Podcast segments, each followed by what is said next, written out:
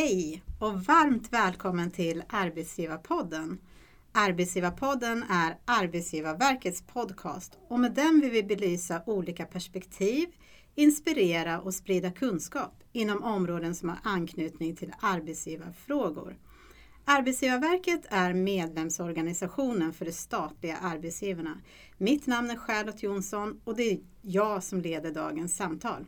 Med mig idag har jag en gäst, Gary Larsson. Hej Gary! Hej hej! Hej, vad trevligt! Mm, tack! Jag tänkte presentera dig lite. Du är läggpsykolog och professor i ledarskapspsykologi vid Försvarshögskolan i Karlstad. Stämmer bra. Tillsammans med Josu Lundin och Ann Sander så har ju nyligen släppt den här boken Ledarskapsmodellen. Mm. Konsten att matcha individuella och organisatoriska förutsättningar. Mm. Och det är det vi ska prata om idag. Jag tänker så här, titeln på er bok är ju, den kommer in rätt tungt och den blir rätt absolut. För det blir som att finns det bara en enda modell? Nej, det gör det såklart inte.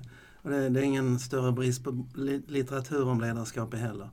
Det är precis det som var min, som var min tanke också. Det finns faktiskt hyllmeter med Ja. litteratur. Så varför behövs den här boken? Därför att den är bäst. Nej, men den är ehm, så, så här. Det finns väldigt mycket litteratur som är måttligt vetenskapligt förankrad. Lite checka råd, åtta, åtta tips för att bli en bättre chef eller vad det nu är. Och nästa månad är det några andra tips. En del av dem är jättebra men ganska mycket är tunt. Men hoppar man sen över till vetenskaplig litteratur, för det finns det också mycket, så tycker jag att den tenderar att ha en av två slagsidor. Okej. Det ena är att den eh, ofta fokuserar för mycket på ledaren som person. Hans eller hennes karaktärsdrag och så, vad det innebär. Eller så fokuserar den för mycket på ska vi säga, det organisatoriska sammanhanget och underskattar ledaren som person. Och eh, Det som är poängen med vår bok, det är att vi lyfter upp att det är samspelet mellan Mm. individ och sammanhang Precis, som ni, formar ledarskapet. ni binder ihop det. Och Ja. sen så har ni dessutom en, en sida till. Man kan ju säga att, att boken består av en triangel. Så ni Ja. har ju också en tredje del i boken. Ja, det är liksom ett antal typer av ska vi säga, ledarskapsbeteenden Precis. eh, som formas då av samspelet mellan individ och sammanhang. Precis som du sa, om jag skulle sammanfatta det här lite så kan man säga att er bo- bok består av tre delar. Det är vad som utmärker ledaren som person, vad som utmärker sammanhanget Ja. som ledaren befinner sig i och de tre olika ledarstilarna. Mm. Jag tänkte att vi, vi kan väl gå igenom de här tre Ja, olika absolut. spännande delarna. Och om vi börjar med ledaren som person, Mm. om vi tar det som första, eh, nämligen vad som utmärker ledaren som person. Kan du berätta lite mer om, om det? Det är den delen som sitter djupast i oss som jag vill börja med då. Och där handlar det om ja, rent fysiska karaktäristika. Väldigt enkelt att det, det är bättre att vara frisk och stark än svag och sjuk om du ska vara chef. Ja, precis. Eh, Det, det är ett fysiskt krävande jobb. eh, Många gånger kräver god, eh, god fysik. Fysik. Sen såklart ett antal mer psykiska förmågor och karaktärsdrag. Personlighet, intelligens. Men även lite mer åt livsåskådningshållet om du är någorlunda tryggt förankrad i Mm. dig själv och i något meningsgivande system. Eller om du känner dig vilsen. Så så det att, eh, handlar om inre utveckling? Eller Ja, man det säga? kan man säga. Ja, att, mm. eh, och det är den delen som jag tror man har svårast att påverka som vuxen. Att det, det är Mm. rätt stabila saker och eh, Mm. det innebär att där handlar det framförallt om urval. Att eh, de är svårare att komma åt med en tidsbegränsad utbildningsinsats i Mm. vuxen ålder. Du är lite inne på det här för att i boken så, så säger ni att alla inte kan bli bra ledare. Är det det här? Ja, det Ni ligger i på det vad då? att eh, där är två delar i det egentligen. Det ena är eh, motivation. Mm. Att en, för att bli en bra ledare så måste man nog vilja tycka Precis. om ledarskap. Okej. En del Mm. har jättebra talang för det men vill inte. De vill hellre göra något annat. Eh, och en del har då eh, god motivation, vill gärna bli ledare men saknar kanske den rätta potentialen. De är kanske för osäkra inombords eller Mm. vad det nu är. Och, eh, Men kan man göra någonting åt det här då? Man, vi, vi säger så här, man hittar en person som Ja. har motivationen och allt det här som behövs men ha, är osäker. Finns det någonting man kan göra? För eller- att... Så det beror på hur, hur illa det är. uttrycker det så. Den andra delen i det där individspåret, vad som utmärker ledaren, det är ett antal kompetenser. De är Mm. lättare att påverka och utveckla. Fackkompetens, det vi kallar chefskompetens, att du kan strukturera upp en verksamhet, följa Mm. upp den, kontrollera. Mm. Social kompetens, eh, att du, Är det lättare att påverka social kompetens? ja den Mm. är den är ju relaterad till personlighet såklart Mm, mm. Och, och känslomässig stabilitet och allt möjligt. Mm. Men den är lättare att beskriva i handlingar i alla fall. Och Mm. därmed, eh, en person som har väldigt svårt att lyssna till exempel. Blir han eller hon medveten om det så, så kan man lära den personen att ställa frågor på ett vettigare sätt. Att inte Mm. avbryta hela tiden. Man, man kan liksom lära sig det till delar i alla fall. Och ytterligare en del i det som jag tror är relevant i nästan alla chefsjobb nu det är förmåga ändå att kunna hantera stress. För chefsjobb är påfrestande. Mm. Det är små saker i en masse och det är eh, kanske lite större saker många gånger. Och den här ständiga förändringen som i och för sig alla upplever i arbetslivet Ja, men jo. som cheferna kanske... Ja, Mm. att ligga steget före hela Ja. tiden. Så kompetensdelen är lättare att påverka med utbildning Mm. än ska vi säga, de mer grundläggande En personlighetsdragen. persona-delen om man Ja. säger så. Kan man säga att man är född ledare? Jag tror det är några som har en både medfödd och tidigt utvecklade väldigt goda gyn- gynnsamma förutsättningar. Som är trygga inombords, som eh, har lätt socialt för sig. Ända sedan barnsben har haft en förmåga att få liksom kamrater med sig Mm. på ett naturligt sätt.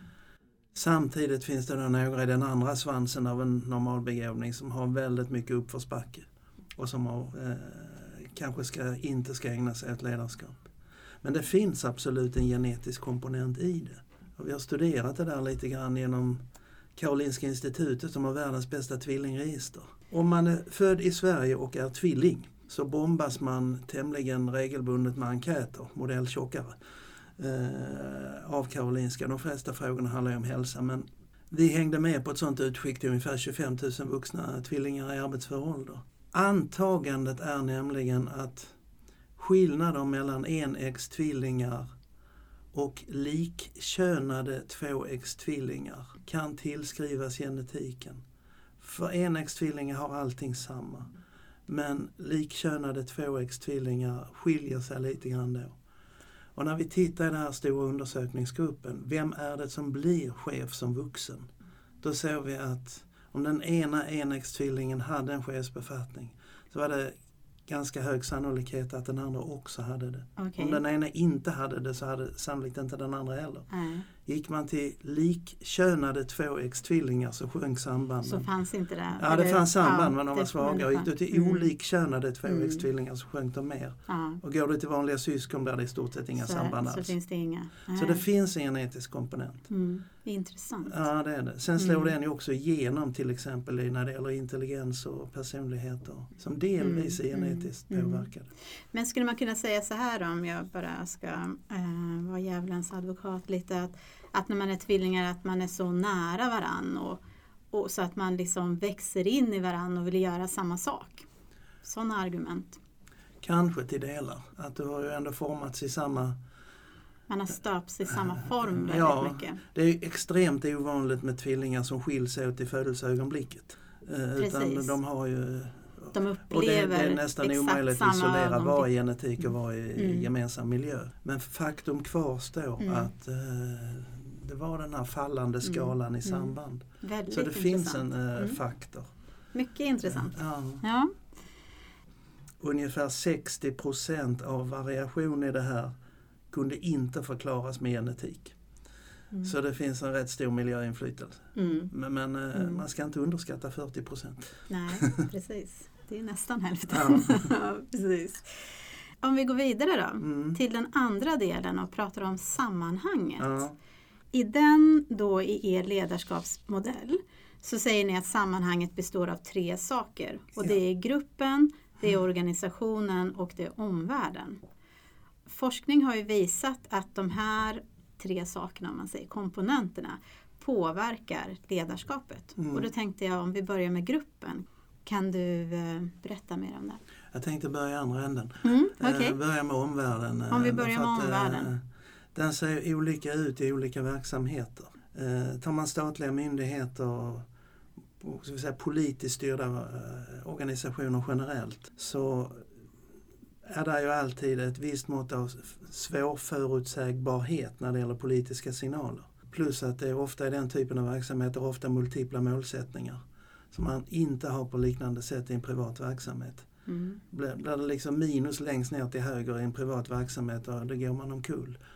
Men i en offentlig verksamhet är det nå- någon slags maximering av ett antal nyttigheter Precis. för allmänheten. Så, Så finns man kvar. som är multipla och Mm. ibland konflikterande mål. Vissa eh, organisationer, där är omvärlden mer nära och påverkande. Andra är mer, det ser ganska likartat ut år efter år hur omgivningen är. Mm. Eh, Men man har en funktion att fylla i samhället och den ska göras. eh, Men, men andra är ju, de som är konkurrensutsatta till exempel, de är ju Mm. mer omvärldsberoende än de som inte är det. Precis. Men även eh, förändringstakten är ju även hög i myndighetssverige. Precis. Och jag Eh. tänker att omvärlden har väl också med frågor som legitimitet och effektivitet och så att göra. Och det är väl eh, alltid något man måste upprätthålla Ja, och du har mediasidan i omvärlden, du har legala aspekter, vad är, liksom, vad är det för regler som gäller? Precis.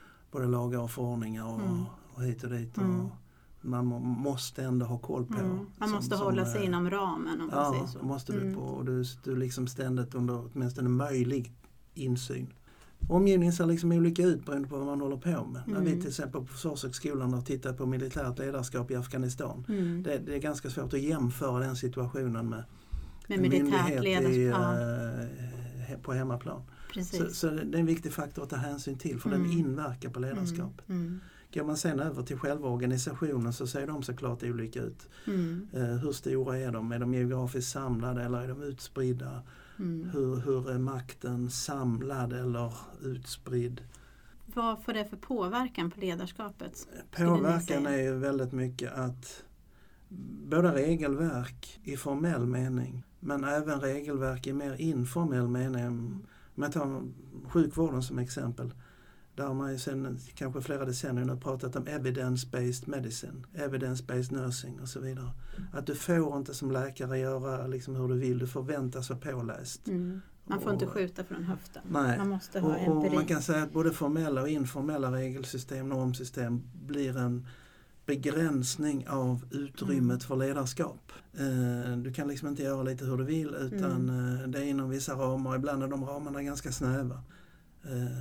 Eh, Kan man Precis. säga något väldigt grovt om det kan du säga att ju mer regel och rutinstyrd en verksamhet är desto mindre betydelse har individdelen i modellen. Mm. Därför det är vissa uppgifter som ska göras Mm.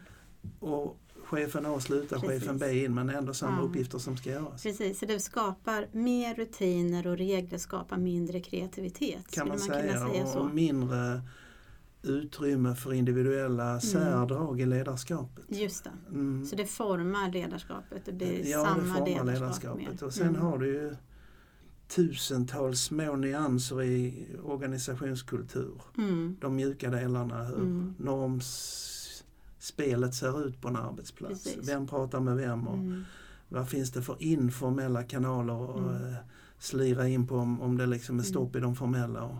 För det brukar man generellt lägga ganska stort, stor betydelse vid, att det som sitter vid väggarna, hur det ja, och vad påverkar. vi ser då det är att alltså det formella regelverket det finns och det Mm. måste man hålla sig till. Mm. Men samtidigt finns det en informell arena.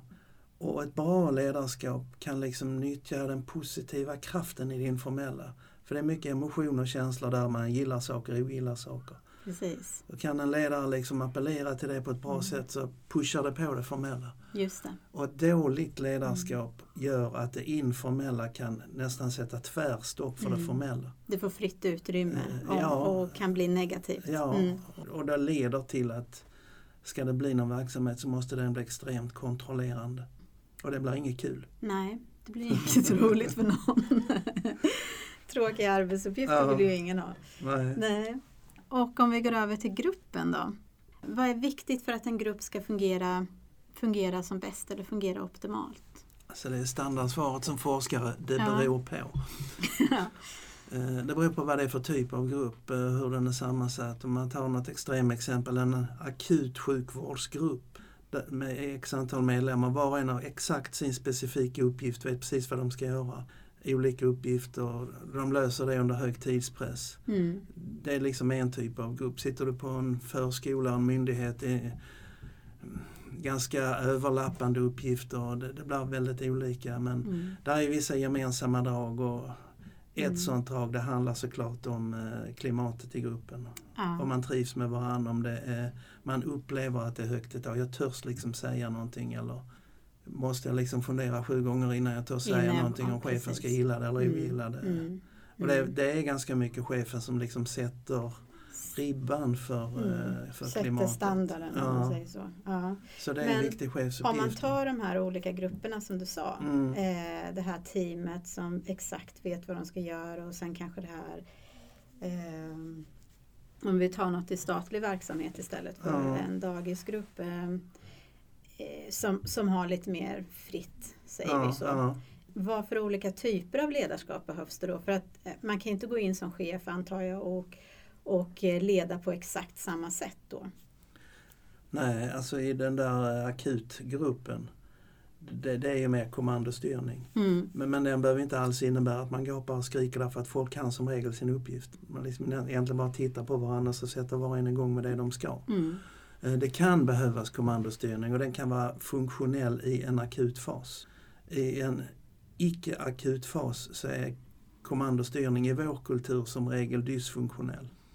Och vad leder det till då? Den leder framförallt till eh, att man känner sig kontrollerad och den leder till något som vi har sett är en kärna i den här typen av, och det är tillit. Litar jag på mina medarbetare, litar jag på min chef. Mm. Om chefen litar på medarbetarna så kommer han släppa friare tyglar eller vad det Precis. nu heter. Och, Ja. eh, det blir ett mer kreativt klimat. Men samtidigt måste man, och det har vi med i vår modell, vi kanske kommer till det sen, ibland ändå sätta ner foten. Och, Mm. och det är inte så lätt alla gånger om det är impopulära. Mm, beslut, Mm. att man måste stå för den. Precis. Men tillit är någonting som, eh, som eh, får människor att växa, skapa kreativitet och utveckla verksamheten där, därigenom. Så. Ja, det, Mm. men, men återigen, vi ser starkare resultat forskningsmässigt på, i den negativa svansen. Mm. Alltså om det är brist på tillit mm. tycks ha mer negativa effekter Mm. än vad tillit i sig har positiva effekter. Mhm, vad Så, intressant. eh, det finns ett uttryck, bad is stronger than good. Om vi går till den tredje och sista komponenten i er modell som handlar om ledarstilar. Det handlar om, om olika ledarbeteenden och hur man är som ledare. Vi har varit inne lite på det men, men Mm. jag tänkte vi skulle fördjupa lite. Kan du beskriva de olika beteenden, de olika ledarbeteendena som ni pratar om? Ja, kan jag göra. Eh, Man kan säga att vi har plockat väldigt mycket från den internationellt vetenskapligt dominerande modellen. Mm. fortfarande som är amerikanska The Transformational Leadership. Sen har vi vidareutvecklat den, eller snarare skandinaviserat den för att det är olika kulturer. Eh, och, och då landar vi i en modell som har tre kan vi säga, övergripande typer av ledarskapsbeteenden eller stilar. Mm. Och vilka är de? En som vi kallar utvecklande. Eh, Där, där handlar det om att man i, i sina handlingar är ett bra föredöme. Att man, Mm.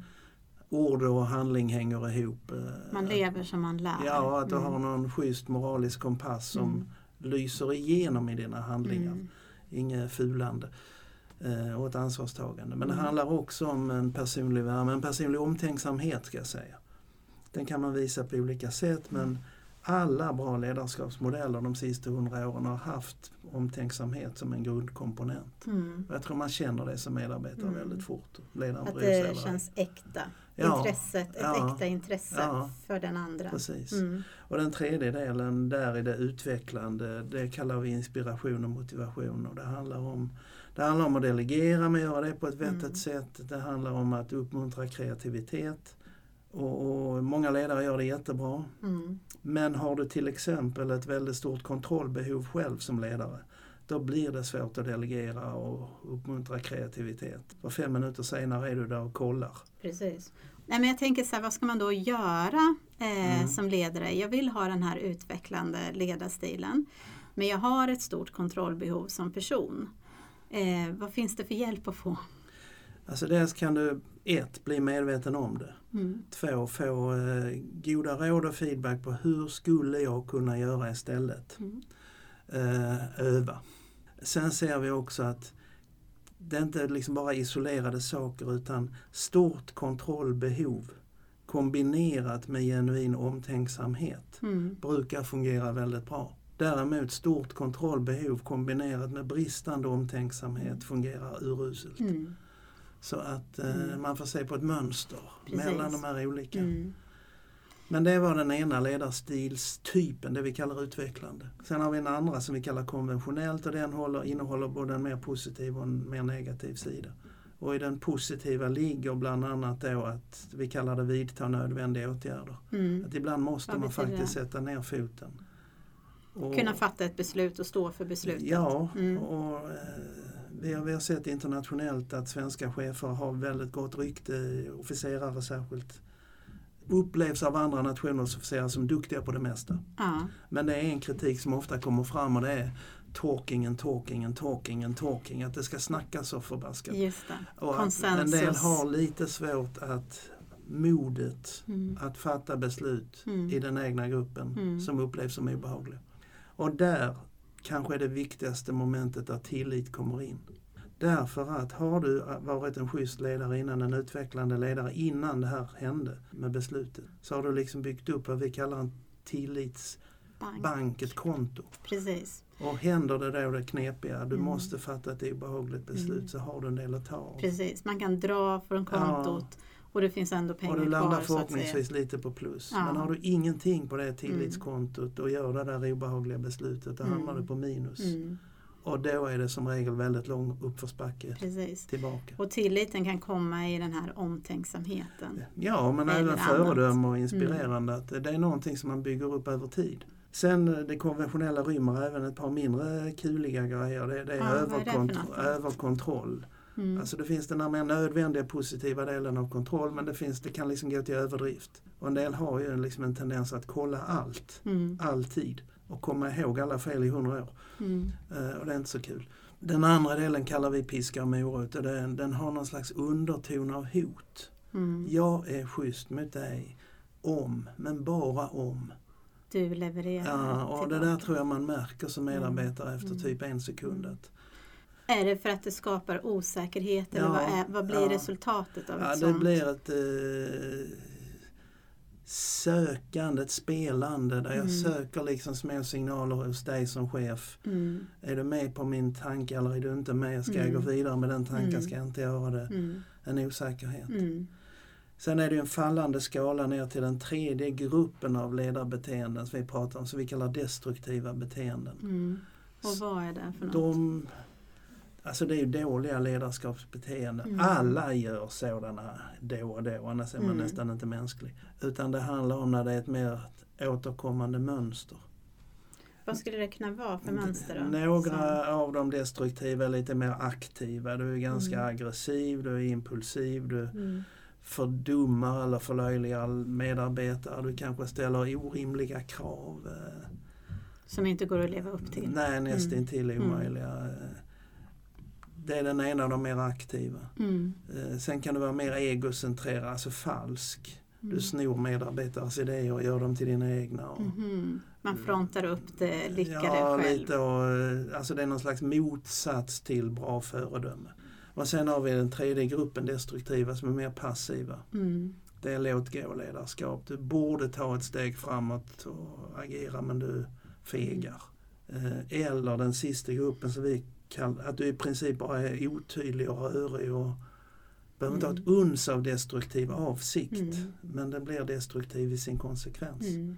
Så otydlig styrning och ja, otydlig väg till mål och vision. Och, ja, alla de där rörig, eh, dåligt samlad. ja. Jämfört med en chef som är hyggligt bra på att strukturera och vara Mm. tydlig följande Mm. är spelplanen. Liksom. Och när vi tittar på resultat av det så ser vi att de där passiva formerna, låt gå och rörighet och så, Mm. de är värst. Är de, hur kommer det sig att de är värst då? Det kommer sig förmodligen, det vet vi inte säkert, men att de mer aktiva, Mm. åtminstone i ska vi säga, tjänstemannamiljöer, Mm. är nog mer ovanliga. För man skulle kunna tänka sig att aggressivitet är värre. Ja, än, men i, och det beror såklart på hur uttalad den är. Ja, Om det är en chef som har lite bristande impulskontroll och då och då liksom Mm. ballar ur. Det kanske är lättare att fördra än en chef som aldrig tar tag i problemen. mm, Han, hon kan vara jättetrevlig. Mm. Man kan tycka synd om henne, man Mm. vill inte k- kritisera. mm, Men inget händer. mm. Problemen bara ligger där Precis. och folk mår dåligt. Så det, är- i det långa loppet har vi sett att de är, De är värst. de är värst. Mm. Det blir väl ganska självklart att den utvecklande ledaren låter Mm. ju som en dröm eller en nåd att stilla bedja om för, för alla Ja. medarbetare. men, men jag tänker så här att de andra ledarstilarna då, för att ni har ju ändå mappat in tre olika ledarstilar. ja. Det betyder ju att det finns Absolut. olika. Alla är inte den här utvecklade Nej. ledaren. De andra ledarstilarna, då, vad ska man göra med dem för att de ska liksom ändå om de nu sitter där som chefer och de ändå ska liksom utveckla verksamheten och medarbetarna. Ja. För det första så är det ingen, tror jag, som alltid är utvecklande. Många nämner när man frågar om någon känd person de associerar med så nämner många Nelson Mandela till exempel. Mm. Även han måste vara trött ibland. Ja, Liksom, Ja. Låt gå att. precis. Utan det handlar om eh, alltså frekvens av beteenden, hur ofta man gör det ena eller det andra. Och, Mm. När vi jobbar mer praktiskt sen med hands-on, hur kan man bli en bättre ledare? Så försöker vi bryta ner det så långt det går i beteenden. Och, och jobba med att samla in synpunkter från ledaren själv Mm. men också från hans hennes chef och underställda.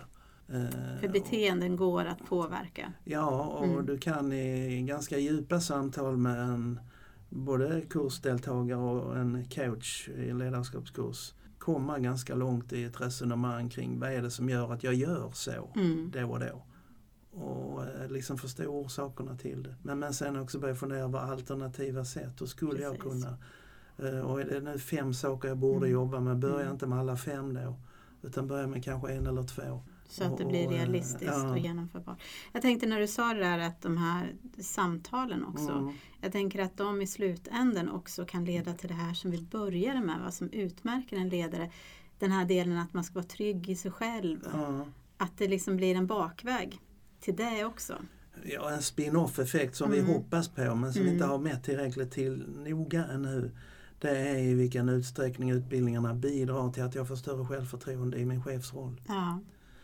Och vad tror ni då? Ja, vi tror att för de flesta är det så men tittar man på personlighetsfaktorn emotionell stabilitet Mm. om man ligger lite eh, mindre bra till där och kanske har ett mindre bra grundsjälvförtroende. Så ibland tror jag inte den här kursen är tillräcklig. Mm. För du kan lära dig enligt kokboken att göra alla beteenden korrekt. Men skiner det igenom en mer grundläggande osäkerhet Mm. Så eh, trumfar det på något vis det andra. Trots så, att man gör alla beteenden korrekt. Ja, Mm. så att beteendena är liksom genvägen att ändra sig själv. Men ibland är det inte tillräckligt. Ja. Men kan kursen leda till både till bättre beteenden och också ett starkt självförtroende i den rollen? Alltså, självförtroende det, är- det finns dels generellt men det är också ganska situationsbetingat. Mm. Jag kan ha bra självförtroende som chef, jag kan Mm. ha värdelöst självförtroende om tekniska grejer går sönder eller vad det nu är. Precis, precis. Så att eh, nu är det ju ledarrollen det handlar Ja, om. det handlar om den arenan. Ja. Mm. Men handlar det om att, att testa och träna som du sa? ja, till delar. Mm. En person som har väldigt Mm. svårt att säga nej till exempel. Eh, vill vara snäll, eh, ganska osäker. Man kan ju träna sig i självhävdelse. Precis. Personer som har väldigt lätt för att brusa upp kan träna sig i impulskontroll. Mm. Mm. Man kan Mm. träna, vad är det som gör, hur skulle jag göra för att bli lite, visa mer omtänksamhet och så Mm. går man igenom det. Precis. Har ni, har ni då rollspel och så på era Ja, det kurser? har vi delvis. Ja, Ja. för att just få den här träningsmomentet? Ja, Mm. eh, till delar, inte Mm. bara. Men, eh, Nej. men det är en Nej. kraft i den där som vi kallar 360 feedbacken, när du får feedback från din chef och från dina underställda. Det, det liksom går in i magen. Och, Ja, precis. eh, Och det är väl då förändring kan ske på riktigt. Ja, det blir en motor i alla Ja, fall. alltså när det kommer en Ja, genom hjärtat ja, och inte det- genom hjärnan. Nej, liksom. det finns. Mm. Det finns en serie eh, som heter Six på Mhm. HBO som handlar om det här. Den är inspirerad av det här teamet eh, som eh, dödade Os- Osama bin Laden. Och de gör det hela tiden i sina infraoperationer. De tränar minutiöst i allting. Jag fick den associationen bara. Allting de gör tränar, de tränar, tränar, tränar, tränar så att det sitter Ja. i... Där är man lite nära Mm. traumateam och sånt, även i Mm. sjukvården till exempel. Mm. Att konsekvensen av ett fel blir väldigt Mm. fatal. Så är det normalt sett inte i myndighetssverige därför att gör jag ett fel nu så kan jag som regel rätta det imorgon. Precis. Eh, men har du liksom en sekund på dig så Mm. Men i, i, i eran värld, inom försvarsvärlden, där, kan ju ett fel kan, bli ja, absolut. fatalt. Eh, Det kan det bli Mm. i, i akuta situationer Mm. särskilt. Om man sitter här nu eh, som chef och arbetsgivare och, och eh, tycker att den här modellen är superinspirerande. Hur, hur skulle du, vad är dina tips för hur man kan använda den här modellen? Jag tror, om jag börjar säga, jag tror inte på kokböcker av typen om A händer ska du göra B. Mm. Det fungerar i akuta lägen som är Mm. väldigt eh, konkreta handlingsriktade. Vad jag tror man har störst nytta av modellen det är att den ger dig en inre kartbild. Och den ger dig ord, den ger dig ett språk. Mm. Och du kan dela det språket med dina medarbetare. Mm. Som kan vägleda lite grövre. Och påminna dig om att nu är jag nog nere i den lite mer destruktiva delen. Nu får du liksom lyfta, lyfta blicken lite här. Mm. Men mer en inre kartbild, en mental modell. Snarare än en kokbok. Mm. Eh, Stort tack till dig Gary för att du kom hit idag och delar Mm. med dig av dina kunskaper och för det här intressanta samtalet om er nya bok. Ja, tack för att Ja, jag fick komma. ja det var jätteroligt. Eh, en sista fråga till dig bara innan jag släpper iväg dig är en sak du vill att vi ska ta med oss. Det jag kanske mest vill att ni tar med er det är, det är kanske mer forskarperspektiv i och för sig, men det, det är komplexiteten ändå att verkligen förstå ledarskap. Det handlar, vi har pratat en hel del nu på slutet om ledarbeteenden, vad man gör. Mm, Och i någon mening är det det man ser när man tittar på en arbetsplats. mm, Men den underliggande samspelet mellan individ och omgivningsfaktorer mm, Glömmer man bort det så, så blir det inget bra. Eh, Och glömmer man bara bort den ena delen, till exempel individdelen eller bara omgivningsdelen så blir det Mm. heller inget bra. Utan det, det är helheten. Vissa har väldigt lätt för det. Är naturliga ledare. Mm, de flesta av oss kan bli bättre om man får någon slags basic kunskap om de här delarna. Var jag står i dem.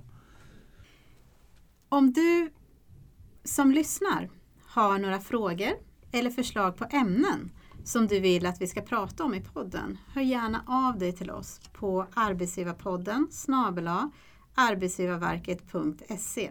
Mitt namn är Charlotte Jonsson. Stort tack för att ni lyssnar idag. Hej då!